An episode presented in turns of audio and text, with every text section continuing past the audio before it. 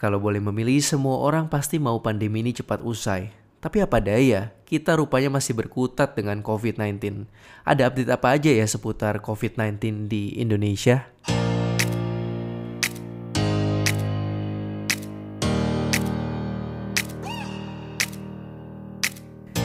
Hey halo pendengar, selamat datang di podcast Opnama, obrolan awam seputar medis. Bersama saya Dr. Marco Vidor yang akan menjawab pertanyaan Anda seputar kesehatan dan mengajak Anda untuk melihat lebih dekat mana mitos dan mana fakta di dunia kedokteran. Hai pendengar, saya harap semua yang mendengarkan ini dalam keadaan baik dan sehat. Memasuki akhir bulan Februari, apa kabar Anda? Kita mungkin saja sudah bosan ya dengan suasana pandemi, Pemerintah juga mengeluarkan berbagai peraturan pembatasan sosial yang berbeda-beda setiap kali. Tapi satu hal yang perlu kita camkan nih teman-teman, bahwa walaupun kita bosen, jenuh, muak mungkin, tapi yang namanya COVID-19, ya dia akan tetap ada di sekitar kita. Dan pandemi ini masih jauh dari usai, jadi tetap ya jaga protokol kesehatan. Pada episode kali ini saya ingin memberikan beberapa update Pertama terkait siapa saja yang boleh dapat vaksin Sinovac.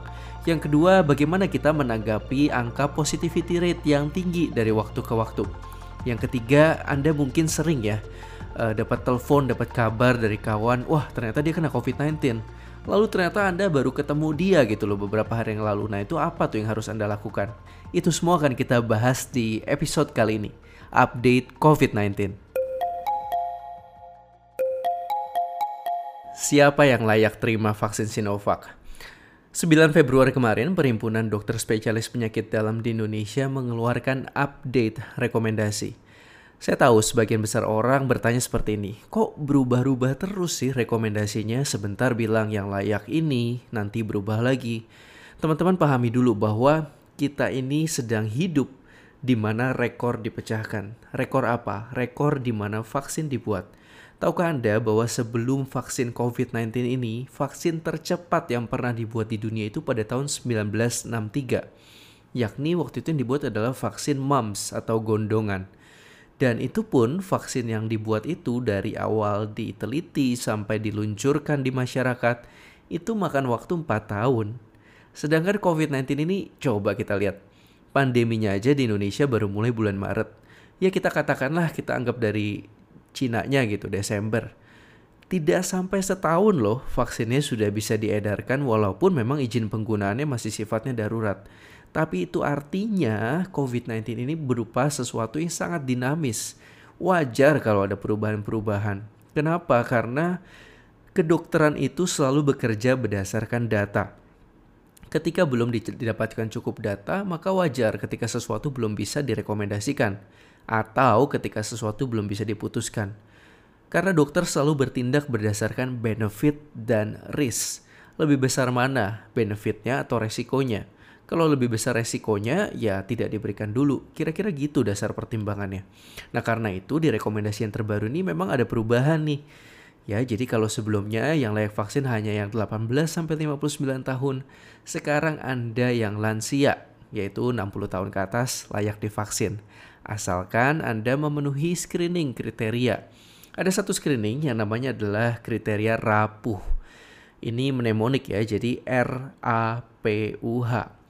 R itu adalah resistensi. Jadi seorang lansia dinilai apakah dia bisa naik tangga sebanyak 10 anak tangga tanpa dibantu dan tanpa istirahat di antaranya. A itu aktivitas. Anda dinilai nih selama 4 minggu terakhir seberapa sering ya Anda merasa kelelahan kalau jawaban Anda adalah selalu dan sangat sering sekali, maka Anda dapat skor tuh, skornya satu. Kalau jawaban Anda sesekali atau hampir tidak pernah merasa kelelahan, yaitu skornya nol. Intinya di scoring rapuh ini adalah semakin besar skor Anda, maka Anda semakin tidak layak untuk dapat vaksin. Nah untuk yang ketiga yaitu P nanti dinilai apakah Anda memiliki lebih dari empat dari serangkaian penyakit yang tercatat di list antara lain hipertensi, penyakit jantung kongestif, penyakit gagal ginjal kronis, atau Anda mungkin penderita diabetes, Anda menjalani cuci darah, Anda menderita kanker tertentu, dan sebagainya. Ya tapi bukan berarti kalau Anda punya salah satu penyakit ini aja, Anda kemudian pasti nggak bisa divaksin, bukan begitu ya. Sekali lagi, ini tergantung skor akhir Anda nanti. Yang keempat, U. Bagaimana dengan usaha berjalan Anda? Sanggupkah Anda kalau diminta berjalan sejauh 100-200 meter tanpa dibantu dan tanpa beristirahat juga? Dan yang terakhir adalah H. H ini adalah hilangnya berat badan. Dalam satu tahun terakhir, apakah kehilangan berat badan Anda itu lebih dari 5%? Nah kalau dari scoring tadi Anda mendapatkan nilai lebih dari dua, Anda itu dianggap lansia yang rapuh, sehingga pemberian vaksin harus ditunda dulu, karena ditakutkan vaksin akan membawa dampak buruk buat Anda.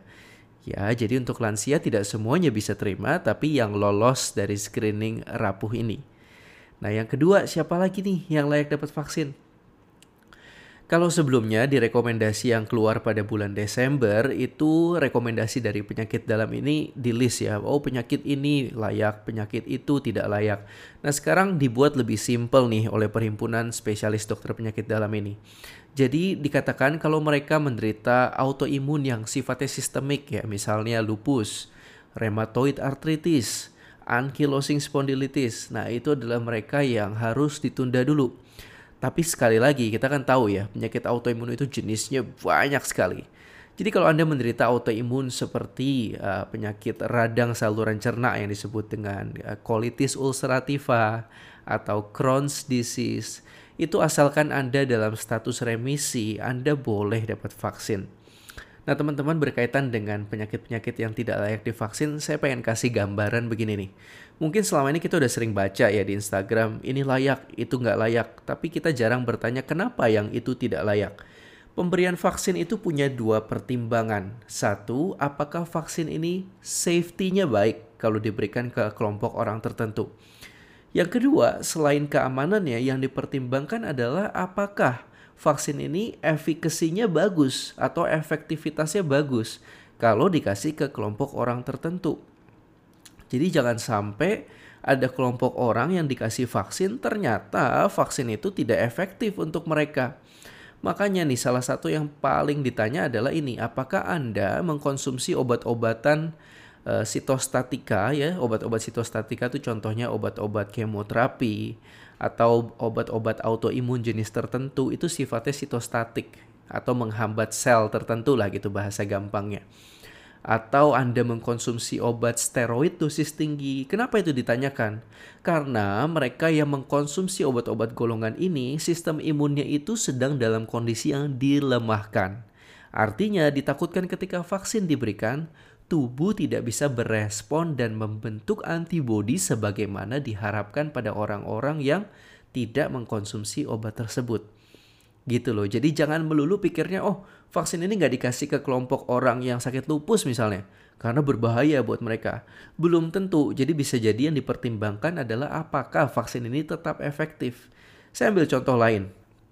Ini pada rekomendasi yang sebelumnya dipaparkan dengan jelas nih pada penderita HIV AIDS boleh nggak divaksin? Boleh, tapi ada catatan kecil tuh di situ. Disarankan Anda mengetahui kadar CD4 dari penderita AIDS itu. CD4 itu kayak semacam sel darah putih yang membentuk antibodi juga tuh buat tubuh ya. Kalau nilai CD4 Anda di bawah 200, artinya ditakutkan uh, antibodi yang terbentuk nanti tidak sama baiknya dengan orang-orang yang kadar CD4-nya di atas 200. Makanya untuk penderita HIV AIDS sebelumnya direkomendasikan sebaiknya terkontrol deh. Jadi terkontrol tuh dalam tanda kutip diharapkan CD4-nya di atas 200 supaya vaksin membentuk antibodi sesuai yang diharapkan. Kira-kira begitu. Nah, autoimun udah kita bahas ya. Siapa lagi yang belum layak? Yang belum layak adalah kalau Anda menderita penyakit kronis dan tidak terkontrol catatannya. Contohnya apa? Hipertensi misalnya. Kalau tekanan darah Anda waktu diukur di meja pemeriksaan sebelum Anda disuntik, eh ternyata nilainya 180 per 110 atau bahkan lebih. Itu jelas merupakan suatu keadaan darah tinggi atau hipertensi yang tidak terkontrol. Bahkan bisa mengalami komplikasi yang sifatnya akut tuh.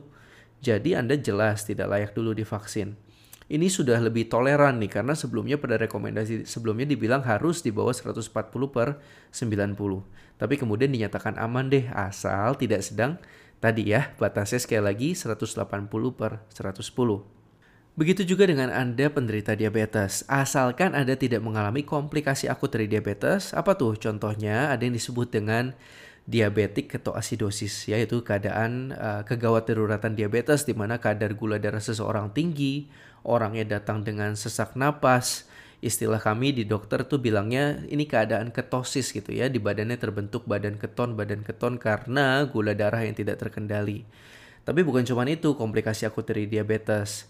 Ada juga yang namanya hyperglycemic hyperosmolar syndrome, di mana kadar gula tinggi juga tuh. Itu juga sama ya, salah satu komplikasi akut. Tapi biasanya tidak seberat si diabetik atau asidosis tadi. Intinya kalau keadaan diabetes Anda terkontrol, Anda boleh atau layak divaksin.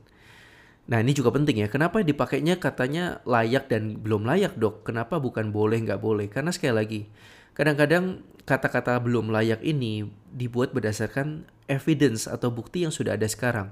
Artinya bisa jadi nanti setelah ditemukan bukti-bukti yang lebih kuat, tiba-tiba dia bisa menjadi layak gitu loh. Makanya itu kata-kata itu yang dipakai. Nah, penyakit-penyakit lainnya juga sama ya. Kalau Anda punya penyakit jantung tertentu, itu idealnya adalah Anda harus konsultasi dulu nih dengan dokter Anda masing-masing yang punya masalah jantung konsultasi dengan dokter jantungnya gitu ya. Yang punya kelainan darah ada baiknya juga konsultasi dengan dokter penyakit dalamnya. Apakah keadaan Anda ini cukup stabil untuk menerima vaksin Sinovac? Update juga untuk ibu menyusui Anda layak divaksin. Tapi untuk Anda yang sedang hamil eh, ditunda dulu ya. Dan update yang terakhir adalah untuk penyintas COVID. Kalau Anda sudah sembuh dari COVID-19 selama minimal 3 bulan, Anda pun layak mendapatkan vaksin. Sekali lagi juga ya, ini penting pengertiannya biar nggak salah bahwa orang yang sudah sakit COVID itu bukan berarti oh berbahaya nih kalau kemudian divaksin. Bukan. Vaksinnya boleh-boleh aja dikasih ke orang yang udah sakit COVID-19. Tapi sekarang ini kan vaksinnya terbatas. Jadi dikasih dulu ke kelompok yang belum pernah sakit karena mereka pun otomatis lebih rentan kan. Nah tapi sekarang berubah nih.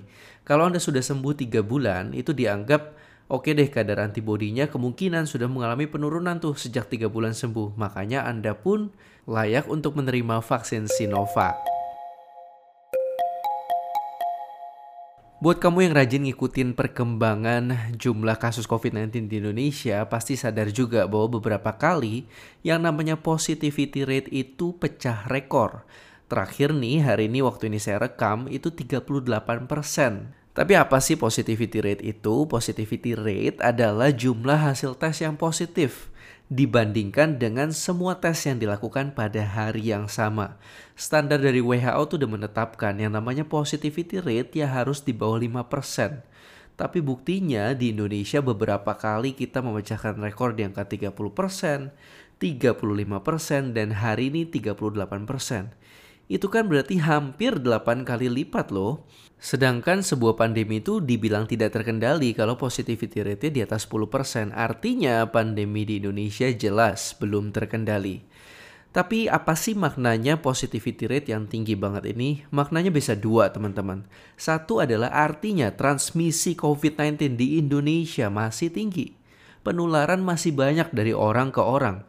Dan yang kedua artinya kita belum melakukan cukup tes.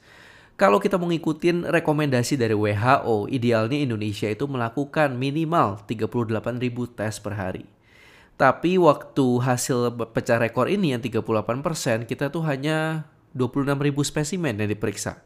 Jadi itu antara lain yang menyebabkan faktor-faktor yang ikut memberikan sumbangsih kenapa positivity rate kita tinggi.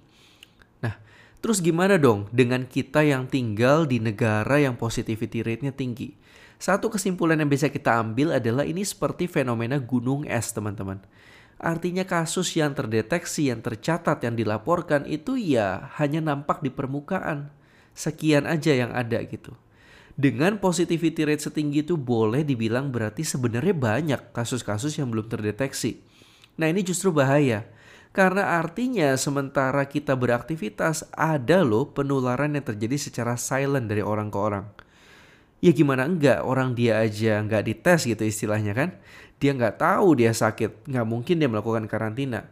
Yang merasa tidak sakit pasti tetap kerjanya ada sebagian dari kantor. Sebagian masih juga jalan-jalan apalagi di long weekend ya. Jadi ini sebenarnya sungguh berbahaya. Artinya kita yang tinggal di negara yang positivity rate tinggi ini harus ekstra waspada, harus ekstra hati-hati. Kita harus punya mindset bahwa di mana-mana tuh ada COVID. Jangan cuma takutnya ke fasilitas kesehatan, ke rumah sakit. Enggak loh. Kamu ke supermarket, ke mana pun juga anggap di situ juga ada COVID-19. Jadi minimalisirlah kemungkinan kamu untuk tertular dengan udah tahu kan, pakai masker, jaga jarak dan sering-sering cuci tangan. Nah yang terakhir nih teman-teman tentang uh, kontak erat ya. Ini pengalaman nyata. Kita sering banget uh, terima telepon bahwa eh kemarin gue dua hari yang lalu ketemu lu kan? Iya. Kenapa memangnya ini nih gue baru tes ternyata gue positif COVID-19. Eng eng biasanya semua orang akan panik tuh kalau terima telepon kayak gitu. Tapi pahami dulu teman-teman, definisi kontak erat tuh gini uh, bukan berarti kalau kamu ketemu gitu papasan misalnya hai bye gitu ya kamu nggak langsung jadi kontak erat yang disebut dengan kontak erat itu adalah kalau kamu bersama dengan seseorang di uh, jarak satu meter selama 15 menit atau lebih apalagi kalau kamu bersentuhan fisik dan ini tetap berlaku ya kalau kamu pakai masker sekalipun dan kalau kamu misalnya nih, ternyata yang sakit misalnya orang yang serumah kamu, entah itu asisten rumah tangga atau mungkin suami atau istri kamu sendiri. Misalnya di hari itu kamu bersentuhannya nggak 15 menit nih kamu bilang. Tapi misalnya kalau dihitung secara akumulatif, misalnya pagi-pagi kamu di dapur sama-sama 10 menit. Lalu malam-malam nonton Netflix bareng 20 menit. Nah itu tetap secara akumulatif sudah lebih dari 15 menit. Jadi kamu dianggap kontak erat. Nah, kalau kamu kontak erat, rekomendasi dari Kementerian Kesehatan jelas menyebutkan bahwa kamu harus melakukan karantina selama 14 hari. Kenapa? Karena Anda yang merupakan kontak erat, Anda itu berpotensi loh jadi sakit COVID-19 beneran. Jadi selama karantina ini tujuannya adalah kita mau observasi ada gejala nggak nih yang timbul. Apakah kamu kemudian jadi sakit? Banyak sekali kasus yang kemudian selama karantina ditemukan oke okay, di hari ke-5, ke-6 isolasi, mulai hilang penciuman, demam, dan berbagai gejala lain. Nah selama melakukan karantina ini, jangan juga buru-buru testing. Panik kan habis dapat telepon langsung berangkat ke rumah sakit swab gitu.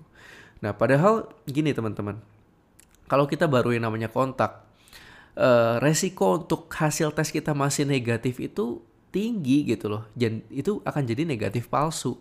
Padahal kamu positif tapi tesnya masih mendeteksi negatif. Kenapa? Karena dites terlalu cepat.